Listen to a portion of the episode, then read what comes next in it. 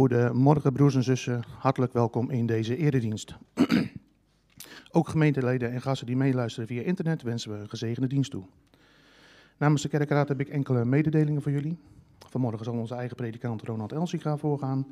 En in de middagdienst dominee Geert van Dijk van de NGKV Sliedrecht. Volgende week gaat in de ochtenddienst dominee Elsinga voor. Alle diensten zijn te volgen via YouTube. Op Deo Valente vrijdag 2 september zullen Boukje Boersma en Joshua Kuiper een zegen over hun huwelijk vragen in de kerk van Aalst. Dominee Elzinga zal deze bijeenkomst leiden. De bloemengroet gaat deze week naar familie Hanemaier. De collectors zijn voor de kerk, stichting Vrienden Stromenland en de derde collecte is voor de zending. En volgende week zal de tweede collecte zijn voor evangelie en moslims. Namens de kerkenraad wens ik u een gezegende dienst.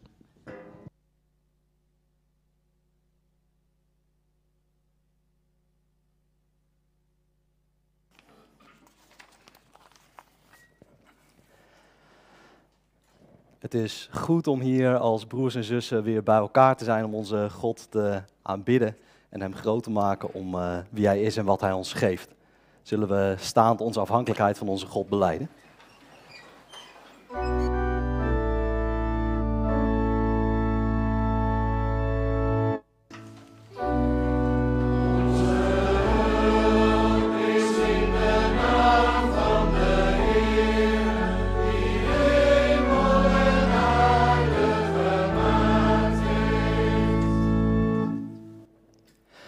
Genade is er voor jullie en vrede van God onze Vader door onze Heer Jezus Christus in de eenheid met de Heilige Geest.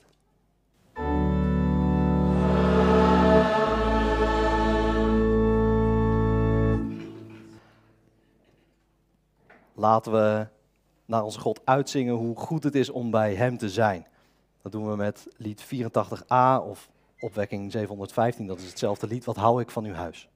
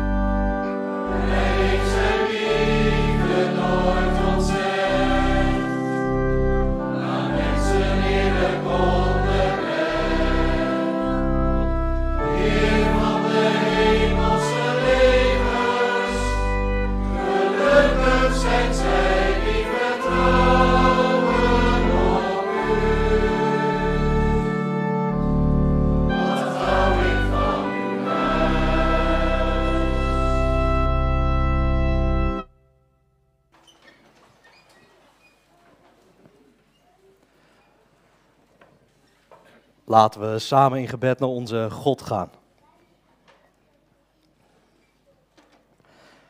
Trouwe God, onze Vader in de hemel. Heer, wat houden we van uw huis? Dat huis waar u ons als broers en zussen samenbrengt. Dat huis dat niet gebouwd is uit steen en staal en glas, maar uit levende stenen. Heer, dank u wel dat u in ons midden wilt wonen. Heer, we prijzen u erom dat u ons met genade en vrede en liefde begroet. Heer, we, we hebben dat nodig. We verlangen daarnaar, ook al zijn we ons dat lang niet altijd bewust. We verlangen ernaar om geaccepteerd te worden zonder dat we daar zelf iets aan moeten doen. Heer, dank u wel dat u ons zo verwelkomt door het offer van uw Zoon Jezus Christus. Dat we door Hem in alle vrijheid, in vrede bij u mogen komen. Heer, we beleiden u ook dat we, dat, dat we daar niet altijd naar leven. Maar Heer, het feit dat we hier zijn, daarmee laten we ook zien dat we dat wel willen. En Heer, alleen dat willen is al iets wat U in ons doet door Uw geest. Vader, dank U wel dat U ons zo bij U brengt. Dat U ons naar Uw vaderhart trekt. En we bidden U, wilt U dat verlangen, dat willen om te leven zoals u dat van ons vraagt, wilt u dat in ons aanwakkeren door uw geest. Geef dat het groeit en dat het ook in de komende week en het komende seizoen ons helpt om keuzes te maken die daarbij passen.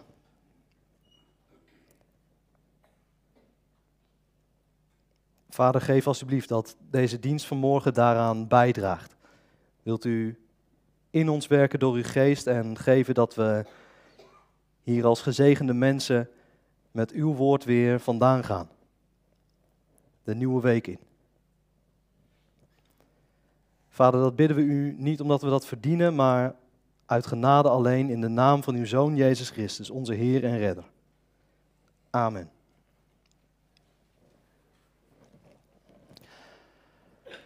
We lezen met elkaar vanmorgen verder uit het Bijbelboek Esther.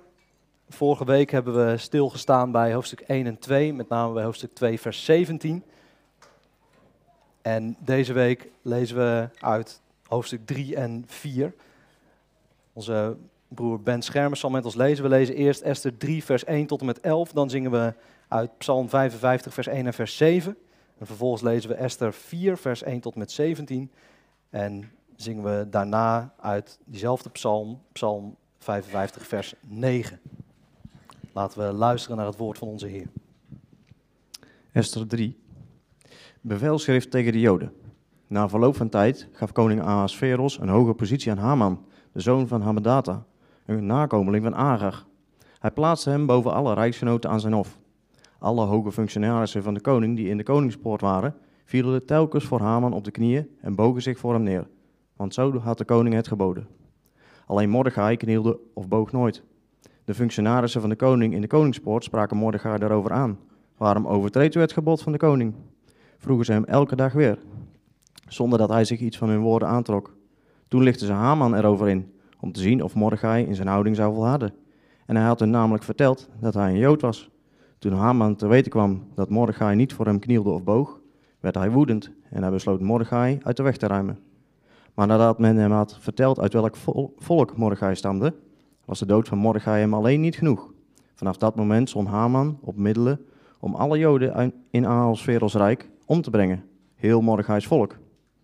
In de eerste maand van het twaalfde regeringsjaar van koning Ahasveros, de maand Nissan, liet Haman in het bijzijn het poer werpen, dat wil zeggen het lot, over alle dagen en over alle maanden, één voor één, tot en met de twaalfde maand, de maand Adar. Daarna zei Haman tegen koning Ahasveros, er is een bepaald volk dat over alle provincies van uw rijk verspreid leeft en te midden van de andere volken zijn eigen leven leidt. Hun wetten verschillen van die van andere volken en aan de wetten van de koning houden ze zich niet. De koning is er niet bij gebaat hen ongemoeid te laten. Als het de koning goed dunkt, laat er dan een bevel op schrift gesteld worden dat ze moeten worden uitgeroeid. Dan zal ik 10.000 talent zilver afdragen aan de ambtenaren van de koning om in de koninklijke schatkist te storten. De koning deed zijn zegelring af en gaf die aan Haman, de zoon van Hamadata, de nakomeling van Agag, de vijand van de Joden. Over dat zilver kunt u vrij beschikken, zei hij tegen Haman, en ook over dat volk. Doe ermee wat u het beste lijkt. Zo werden op de dertiende dag van de eerste maand de schrijvers van de koning ontboden. Er werd een bevel op schrift gesteld dat precies zo luidde als Haman het wilde, en dat gericht was aan de satrapen van de koning, aan de gouverneurs van alle provincies en aan de vorsten van alle volken. Voor elke provincie was er een bevel in haar eigen schrift en voor elke volk in, zijn eigen taal.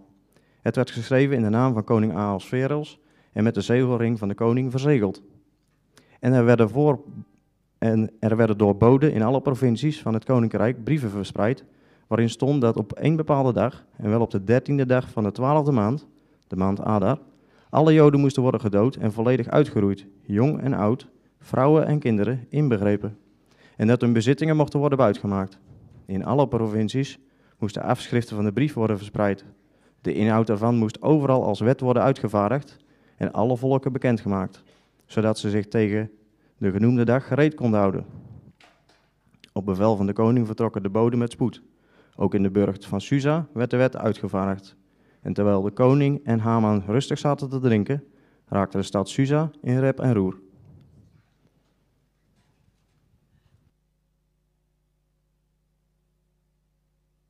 Ter vier lezen we hierna pas? Ja.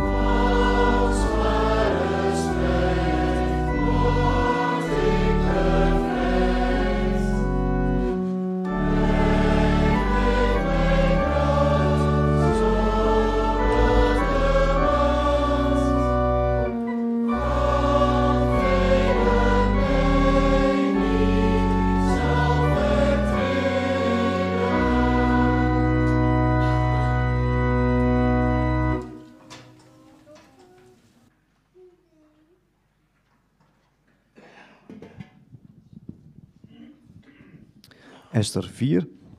Mordechai's beroep op Esther. Toen Mordechai vernam wat er was gebeurd, scheurde hij zijn kleren, hulde zich in rouwkleed en bedekte zich met stof. Zo ging hij de stad door, terwijl hij luid en bitter klaagde. Voor de koningspoort bleef hij staan, want het was niet toegestaan deze in rouwkleding binnen te gaan. In alle provincies heerste onder de Joden diepe rouw, zodra het bevel en de wet van de koning er bekend werden. Ze vasten, huilden en weeklaagden, en velen hulden zich in rouw gekleed en legden zich neer in het stof. Esther's dienaressen en de eunuchen die haar dienden, brachten Esther op de hoogte. De koningin was hevig geschokt en liet Mordechai kleren brengen, opdat hij die zou, opdat hij die zou dragen in plaats van zijn rouwkleed. Maar hij wilde ze niet aannemen. Toen onderbood Esther Hatag, een van de, persoon, een van de eunuchen die de koning haar als persoonlijke dienaar had gegeven. Ze droeg hem op uit te zoeken wat de reden was van Mordechai's gedrag. Dus ging Hatag naar Mordechai, die op het stadsplein voor de koningspoort stond. Mordechai vertelde hem alles wat hem was overkomen. Ook wist hij hem precies mee te delen hoeveel zilver Haman beloofd had te zullen afdragen aan de koninklijke, schatkist als hij de Joden mocht uitroeien. Bovendien gaf hij hem een afschrift van de wet die in Susa was uitgevaardigd, waarin stond dat ze moesten worden omgebracht. Dat moest Hatag aan Esther laten zien om haar op de hoogte te brengen. En, zei hij, verzoek haar met klem naar de koning te gaan. Ze moet hem om genade smeken en bij hem voor haar volk pleiten. Hatag ging naar Esther terug en bracht haar Mordechai's woorden over. Esther droeg Hatag op om Mordechai het volgende te antwoorden. Alle dienaren van de koning en de inwoners van alle provincies van het koninkrijk weten dat er maar één wet geldt voor iedere man of vrouw die zonder ontboden te zijn naar de koning gaat en in het binnenhof komt. Die persoon wordt er doodgebracht. Alleen degene wie de koning zijn gouden scepter toesteekt, brengt het er levend vanaf.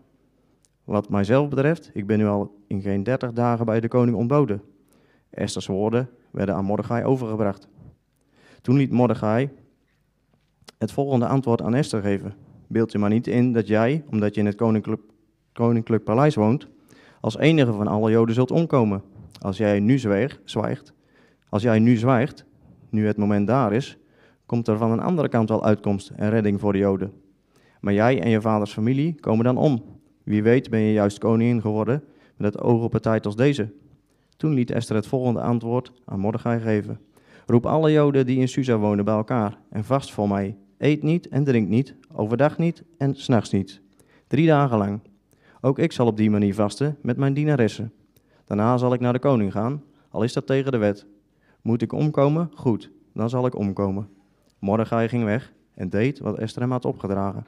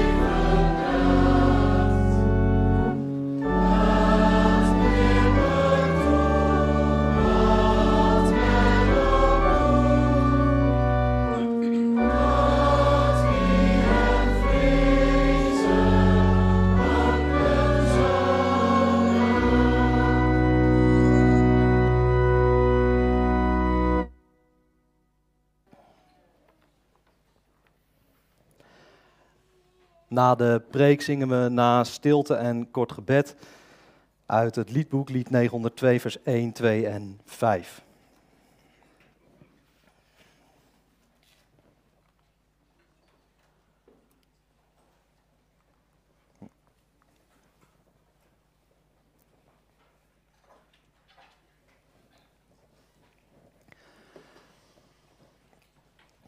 Tijdens de voorbereiding van deze preek moest ik eh, op een gegeven moment terugdenken aan een belangrijke keuze die ik ooit heb moeten maken. Namelijk mijn studiekeuze. En dan vooral de keuze, ga ik theologie studeren of blijf ik in Ede studeren, waar ik op dat moment woonde en studeerde. Ik had het in Ede best naar mijn zin. En toch, toch dreef iets in die situatie toen me richting die keuze. Maar ik voelde heel goed aan, als ik dit kies, dan verandert, verandert er een heleboel in mijn leven. Het is erop of eronder. De, de loop van mijn leven verandert behoorlijk als je van maatschappelijk werk en dienstverlening ineens kiest voor theologie.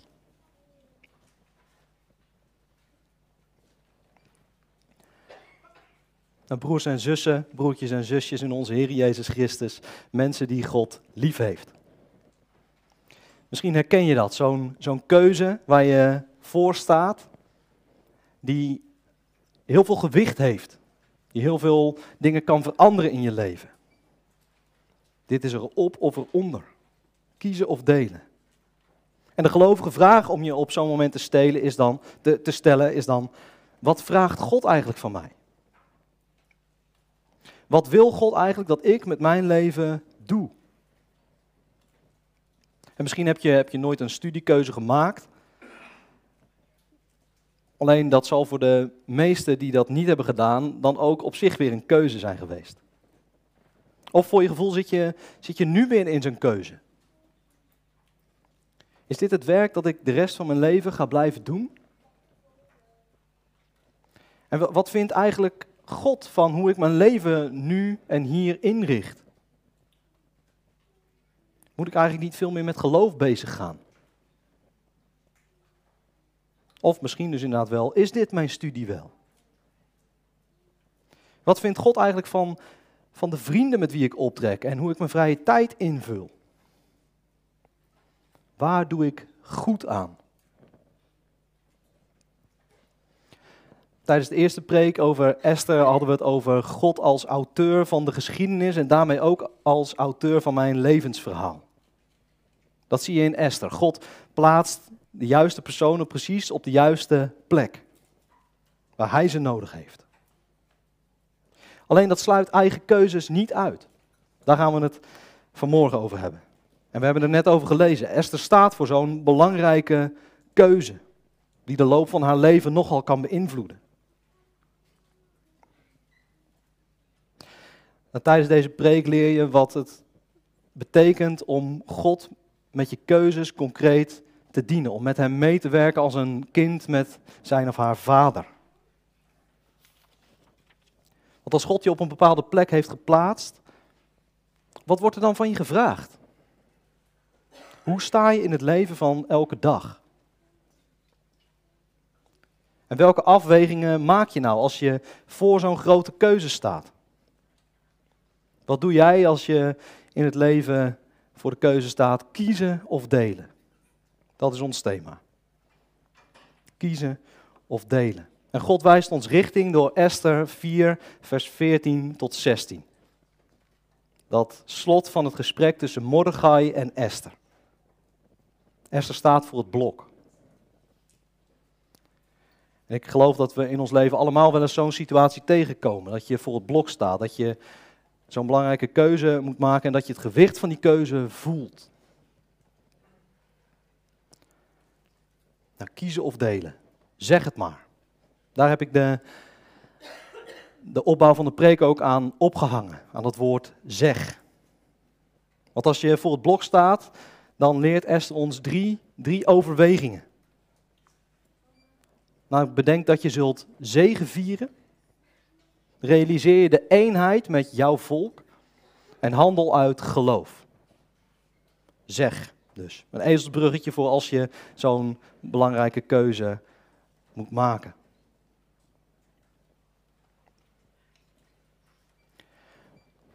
Als je dus voor zo'n belangrijke keuze staat, bedenk je dan dat je zult zegevieren. En misschien roep ik daarmee bij jou, bij u, wel gelijk een heleboel vragen op. Want probeer ik daarmee een soort welvaartsevangelie te brengen? Nee, absoluut niet. Zegevieren, dat wil niet zeggen dat het je in het leven volledig voor de wind gaat. En dat alles, dat God alles voor jou in jouw straatje laat passen. Nee, vergelijk het maar met een, met een strijd of met een oorlog. Het leven is soms een slagveld en, en niemand komt er ongeschonden doorheen. Er zijn altijd verliezen. Maar een verloren slag betekent nog niet dat de volledige strijd verloren is. Want God heeft die strijd al gewonnen toen Jezus Christus stierf aan het kruis en voor ons de weg naar Hem vrijmaakte. Bedenk dat dus als je voor zo'n zwaar besluit staat. Wie met God besluit, komt nooit bedrogen uit. Zelfs wanneer het je iets of zelfs heel veel kost. God is met je alle dagen. En hij leidt je naar zijn volmaakte nieuwe wereld. En toch kun je je afvragen, kun je eigenlijk wel zo zeker zijn van die overwinning, van die zegen? In de praktijk blijkt de toekomst van een gelovige toch juist even onzeker als die van een ongelovige. En toch is dat wat er in Mordechai's woorden aan Esther ervan afspat. Redding komt er sowieso.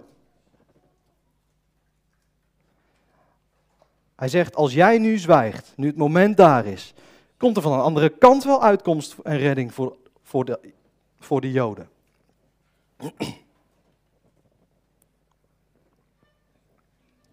Mordechai twijfelt er geen moment aan. Maar hoe weet hij dat nou zo zeker, dat God zijn volk wel zal redden?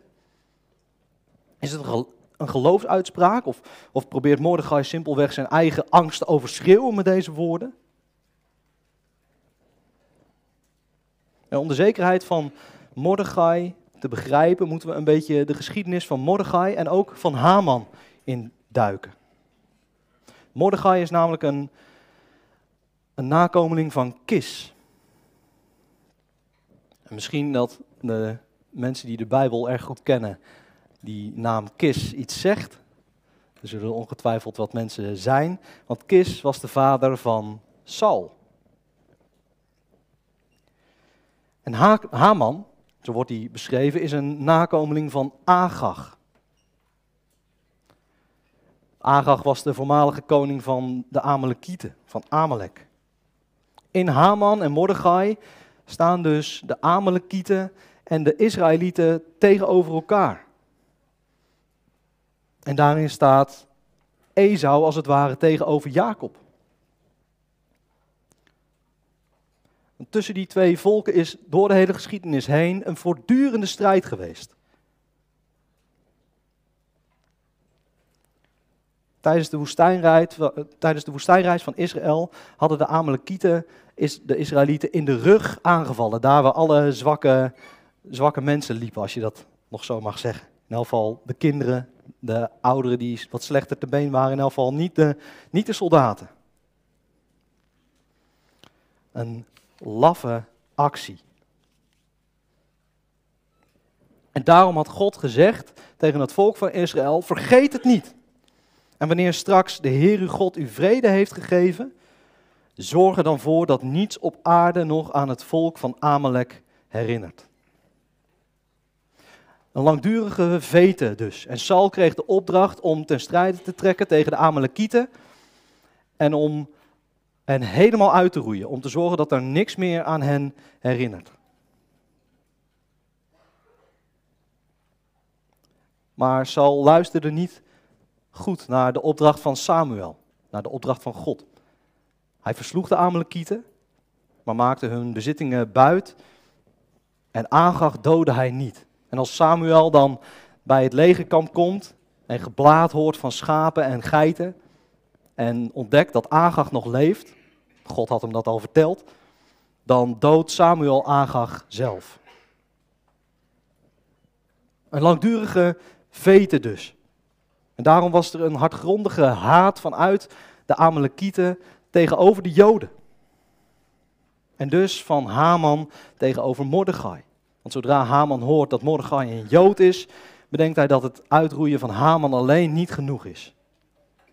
Dat hele volk moet uitgeroeid. En daarin, daarin zie je de strijd van het kwaad tegen het goede. De strijd van de zonde tegen hoe God het heeft bedoeld. Goed, dan heb je de geschiedenis van Amalek en Israël een beetje voor ogen. Maar de vraag blijft dan, waarom is Mordechai zo zeker van de overwinning die God zal geven? Waar komt die zekerheid vandaan? Want het komt om wat God in Exodus 17 zegt. Namelijk, omdat Amalek de hand heeft durven opheffen tegen de troon van de Heer, zal de Heer strijd voeren tegen Amalek in alle komende generaties. De Heer zal strijd voeren. En waar de Heer strijd voert, daar is de strijd al gestreden. Gewonnen. En nee, er wordt inderdaad in het hele Bijbelboek Esther niet van God gesproken, maar hier kun je echt niet om het geloof heen. Het geloof van Mordechai is niet te missen. En zo is Mordechai in zijn geloof een, een voorbode van de zekerheid die we hebben in het geloof in Jezus Christus. Wie in hem gelooft, die weet, we zullen zegen vieren. De overwinning is al behaald. De dood is overwonnen, Satan is verslagen, de zonde machteloos. Bedenk dat maar als je voor een, voor een moeilijk besluit staat. Dat je je niet door, door het kwaad om je heen of door angst hoeft te laten leiden. Kies wat goed is. Want redding komt er sowieso. Dat zijn de woorden waarmee Mordechai Esther tot de dag roept. Want Esther lijkt bang. Maar Mordechai wijst haar op, op haar eenheid met haar volk. Esther schiet in de stress als ze hoort dat Mordechai haar vraagt om naar de koning te gaan. Dat is tegen de wet, dat overleef ik nooit. Maar Mordechai roept haar tot de dag. Alsof een, alsof een vader zijn dochter tot de, tot de orde roept. Bestraffend toespreekt. Het is nodig. Esther zit namelijk in een, in een luxe isolement in dat paleis. Een soort gouden kooi. Het lijden en het kwaad komt het paleis van de koning niet binnen. Letterlijk niet. Mordechai moet vanwege zijn rouwkleding buiten blijven wachten. Binnen het paleis van de koning mag het over alleen maar mooie, lieve, leuke dingen gaan.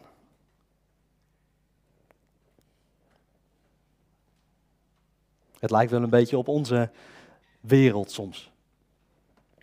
Dat we vooral de leuke en mooie dingen willen horen en, en de dingen die schuren, de dingen die pijn doen, nou, die, die, die horen we misschien liever niet. Maar Mordechai is heel duidelijk naar Esther toe. Je bent al ten dode opgeschreven als je nu je mond niet open doet. Maar goed, zulke levensbedreigende situaties kennen wij denk ik niet. Doorgaans niet in elk geval. En ik hoop een bid dat je ze ook nooit zult leren kennen. En toch is die situatie van Esther in haar gouden kooi misschien wel heel toepasselijk voor ons. Want hoe erg kan die, kan die gouden kooi van een, van een rijk leven in Nederland je een soort schijnveiligheid geven? Hoe erg kan ons luxe isolement ons afsluiten voor, voor alles wat er om ons heen gebeurt in ons leven, in ons dorp, in ons land, in de wereld? We kunnen daar zomaar van op afstand raken. Dat het ons niet meer raakt. Of dat we, dat we denken dat we met al onze rijkdom nou, wel veilig zijn. Terwijl we vergeten dat het uiteindelijk ook gaat om de veiligheid van onze ziel. Ben je daarmee bezig? Het kan allemaal op afstand raken doordat we zo'n grote welvaart hebben. En zonder oordeel, dat is simpelweg hoe het leven werkt. Als het goed gaat, dan ben je weinig met dat soort dingen bezig. En Esther roept ons ook niet op, het Bijbelboek Esther roept ons niet zozeer op om die gouden kooi open te breken en dan maar het ongemakkelijke leven tegemoet te gaan. Misschien dat de Bijbel dat op andere plekken wel die weg wijst, maar niet hier in Esther. En hier in Esther houdt de Bijbel ons voor, doe maar op de plek waar je bent wat goed is.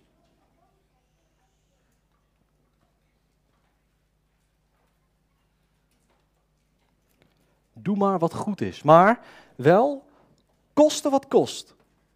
Overwin je angst, je zegeviert al.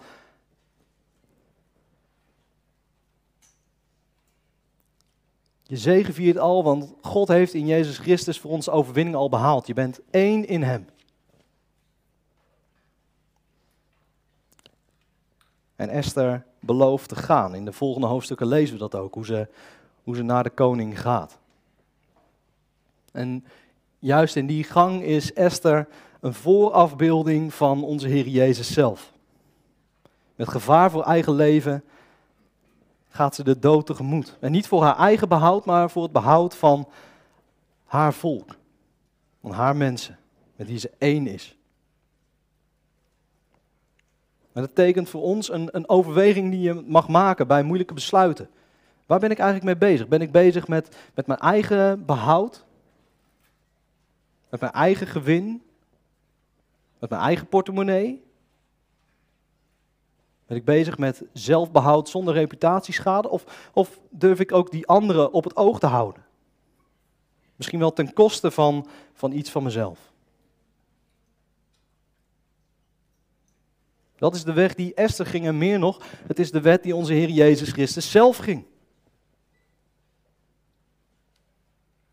Hij ging die weg en hij roept ons om, op om hem te volgen. Wie zijn leven probeert te behouden, die zal het verliezen, maar wie zijn leven verliest omwille van mij, die zal het behouden.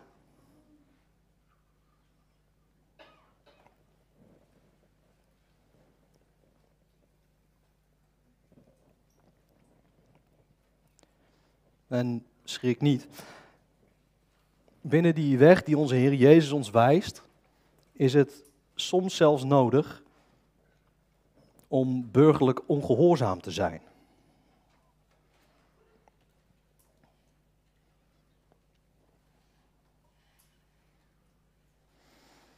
Een voorbeeld daarvan hoorde ik toen ik in Kampen woonde samen met Anneloes. We hadden als gemeente van Kampen, kerkelijke gemeente van Kampen, hadden we veel contact met het asielzoekerscentrum en dus met asielzoekers. En er dreigde gelovige asielzoekers te worden uitgezet naar landen waarin wij wisten dat ze zouden worden vervolgd. En wat doe je dan als je als, als je christelijke broer of zus die toekomst tegemoet dreigt te gaan? Volgens de wet wordt, moeten die mensen gewoon worden uitgezet. Maar kun je dat als christen over je hart verkrijgen? Als je weet wat voor lot je broer of zus daar te wachten staat. En er werd besloten deze asielzoekers waren nog niet helemaal uitgeprocedeerd, maar er werd besloten door een groep in de kerk, als de rechter besluit dat ze moeten worden uitgezet, dan gaan wij illegale opvangen. Burgerlijke ongehoorzaamheid, dat zeker. Maar wel een juist besluit. Of wie herinnert zich nog het kerkasiel in Katwijk?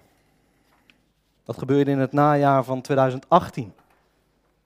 Technisch gezien is dat misschien geen burgerlijke ongehoorzaamheid, want het past precies binnen de wet. Maar het is wel een maas in de wet.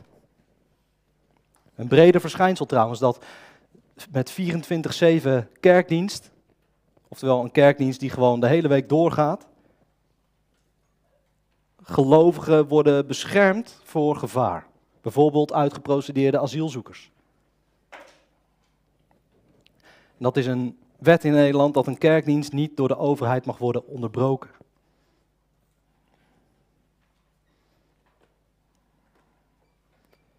Ja, burgerlijke ongehoorzaamheid.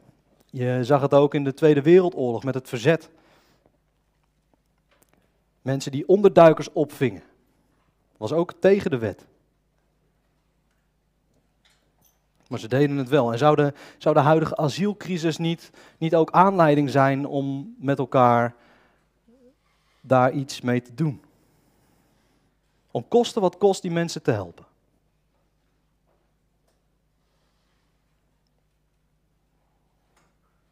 Je proeft in elk in die acties De eenheid waar mensen de consequenties voor hun eigen leven ondergeschikt maken aan het goed van een ander. Volgens mij acties die getuigen van geloof. Het derde element, de derde overweging voor gelovige besluiten. Dat je handelt in en uit geloof. Misschien verbaas jij je er ook wel over, ik, ik in elk geval wel, hoe snel Esther omslaat. In die paar versen waar we het over hebben. Eerst zegt, eerst zegt ze nog, naar de koning gaat, gaan betekent mijn dood. En nou, wat zal het zijn? Hooguit een half uur later zegt ze, oké, allemaal vasten en bidden. Dan ga ik over drie dagen naar de koning. Overigens, er staat drie dagen en in het Joodse spraakgebruik is dat ook wel degelijk drie dagen. Maar als je drie dagen niks eet en niks drinkt, dan ben je echt op sterven na dood. Maar als je verder leest in Esther 5, dan valt op dat Esther op de derde dag al richting de koning gaat.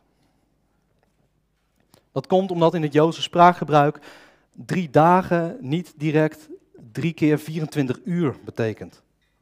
Nee, de dag waarop wordt begonnen en de slotdag die wordt meegerekend.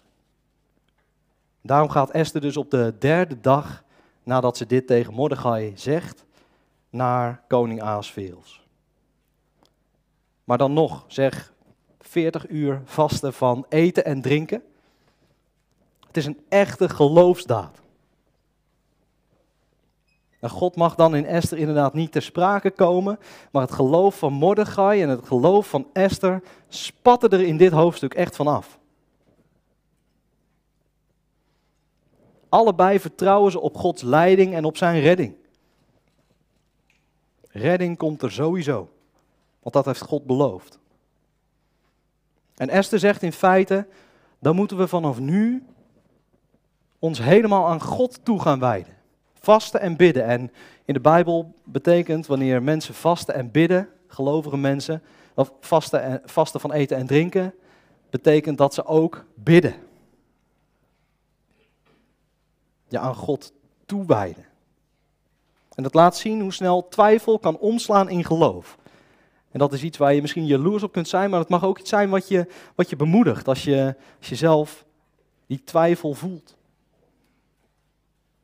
Hoe groot je twijfel ook is, de stap naar geloof, naar leven uit geloof, is zo simpel als je handen vouwen en bidden.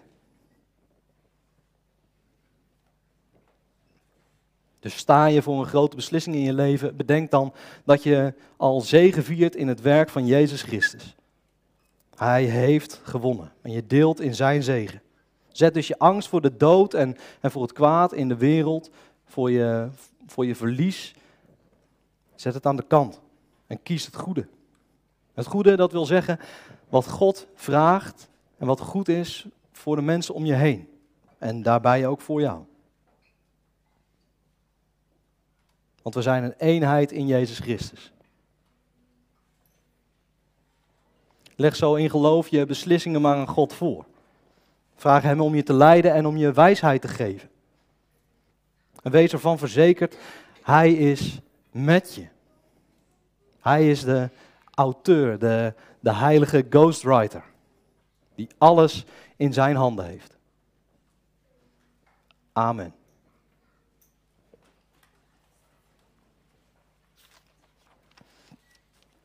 Laten we een moment stil worden en onze gedachten en gebeden aan onze God voorleggen.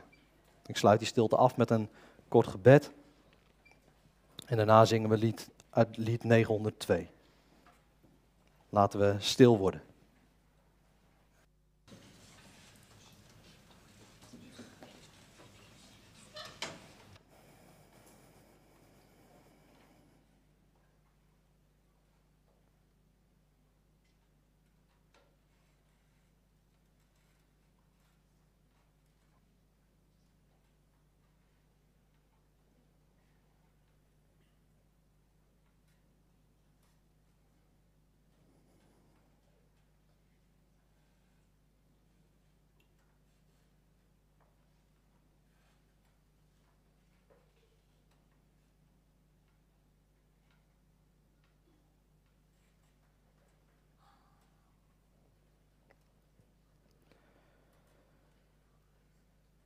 Trouwe God. Onze Vader in de hemel. Heer, we danken u dat u ons leven helemaal in de hand hebt. Ook al hebben wij zo vaak dat gevoel misschien niet. Als we om ons heen kijken in de wereld, in ons land en misschien ook wel in ons eigen leven, dan kan het zomaar lijken alsof de willekeur regeert. Maar Heer, we weten dat u alles in de hand hebt. Wilt u daar iedere keer opnieuw onze ogen voor openen? En geef ons zekerheid in de overwinning van uw zoon. Help ons om van daaruit in vertrouwen op u te leven zoals u dat vraagt. We bidden het u in Jezus' naam. Amen. Laten we zingen.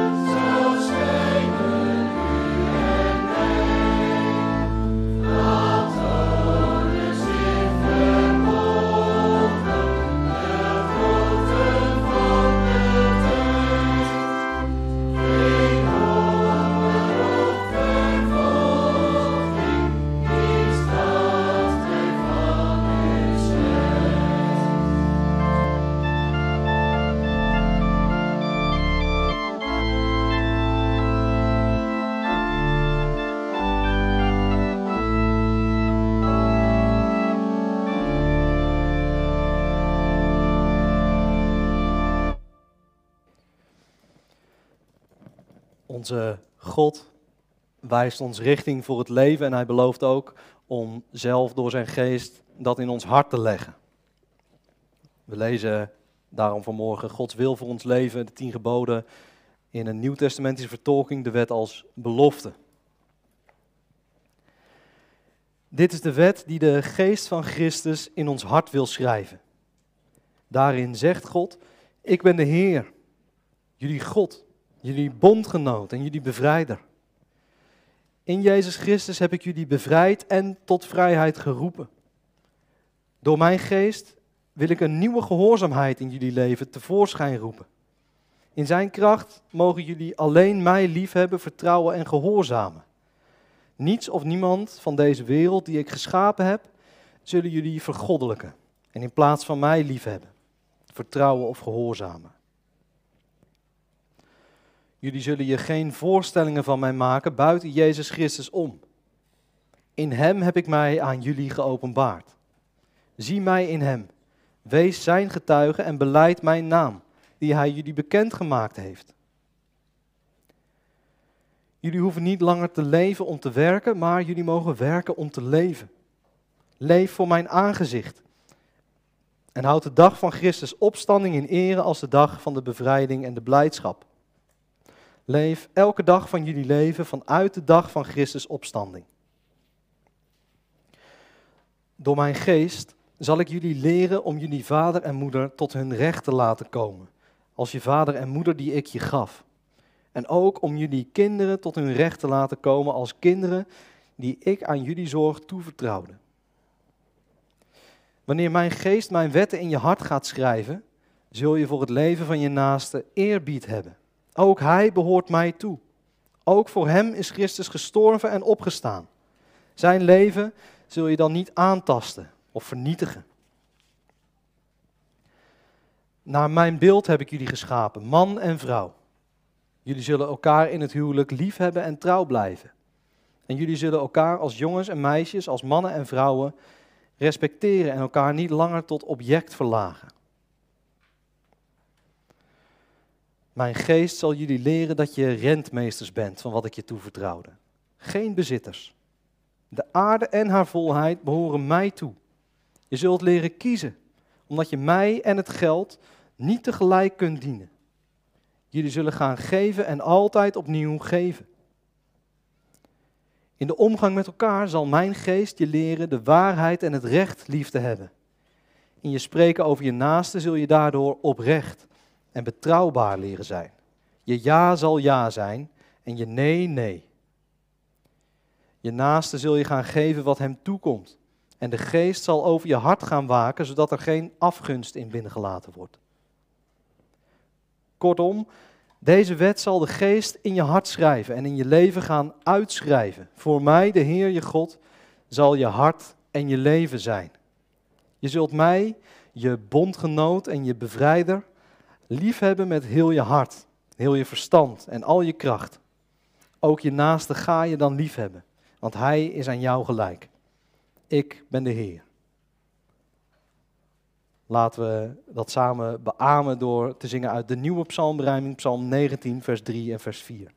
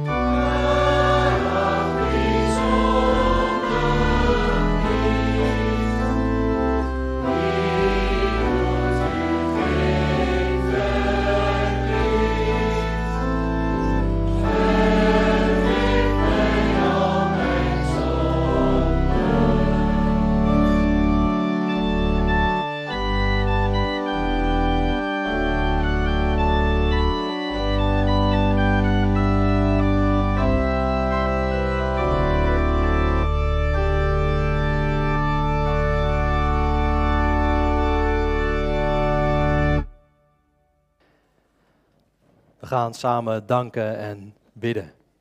Ik ga u voor.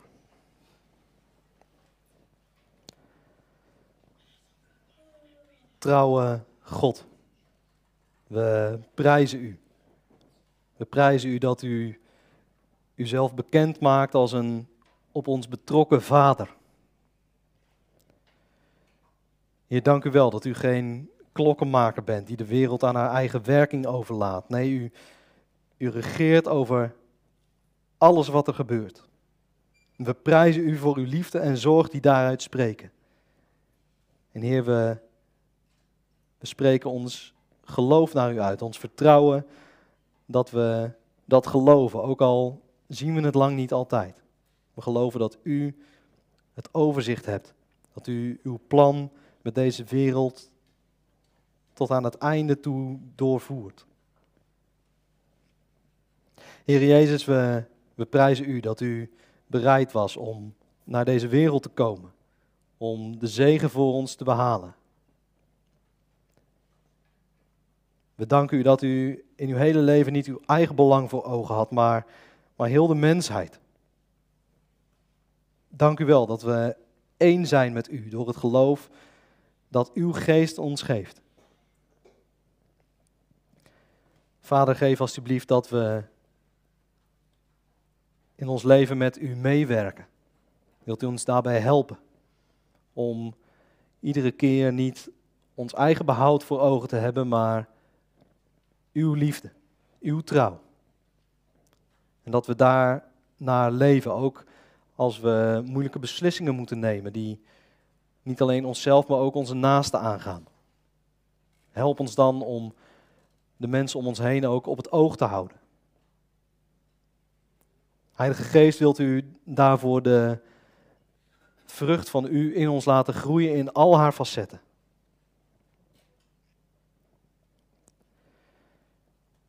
Vader, we danken u voor een goede en mooie start van de scholen afgelopen week.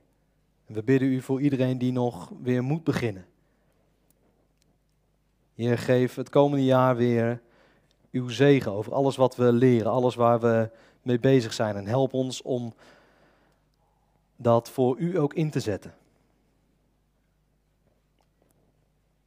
Trouwe God, we bidden u voor ons land en voor onze wereld.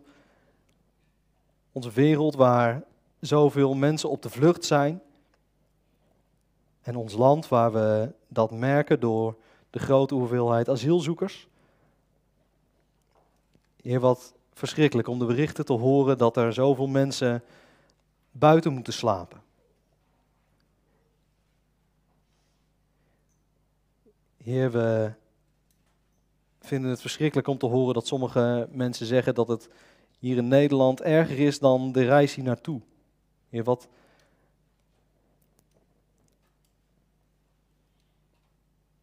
wat voelen we dan schaamte? Heer, wilt u onze overheid helpen om dit op te lossen?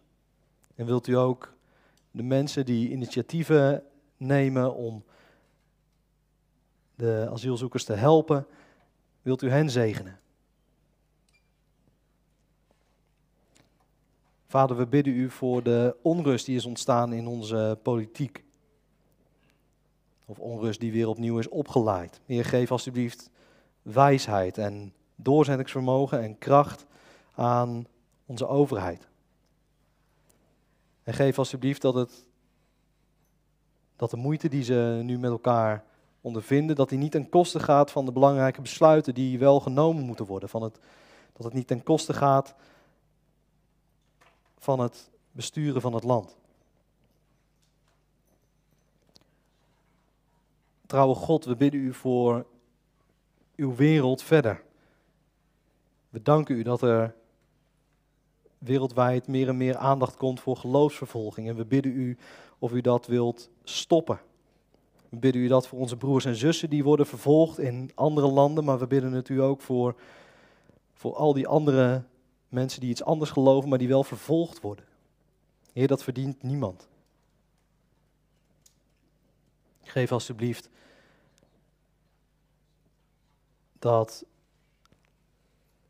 regeringen dat beseffen.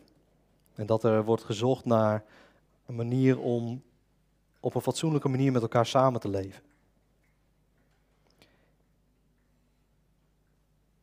Heer, er zijn nog zoveel meer dingen waar we u voor zouden kunnen bidden. En we rusten in het vertrouwen dat u ons allemaal door en door kent. Niet alleen wij hier in dit kerkgebouw, maar ieder mens. U ziet het hart van iedereen. En we bidden u, geef ons allemaal wat we nodig hebben. We bidden het u uit genade alleen. In de naam van Jezus Christus. Amen.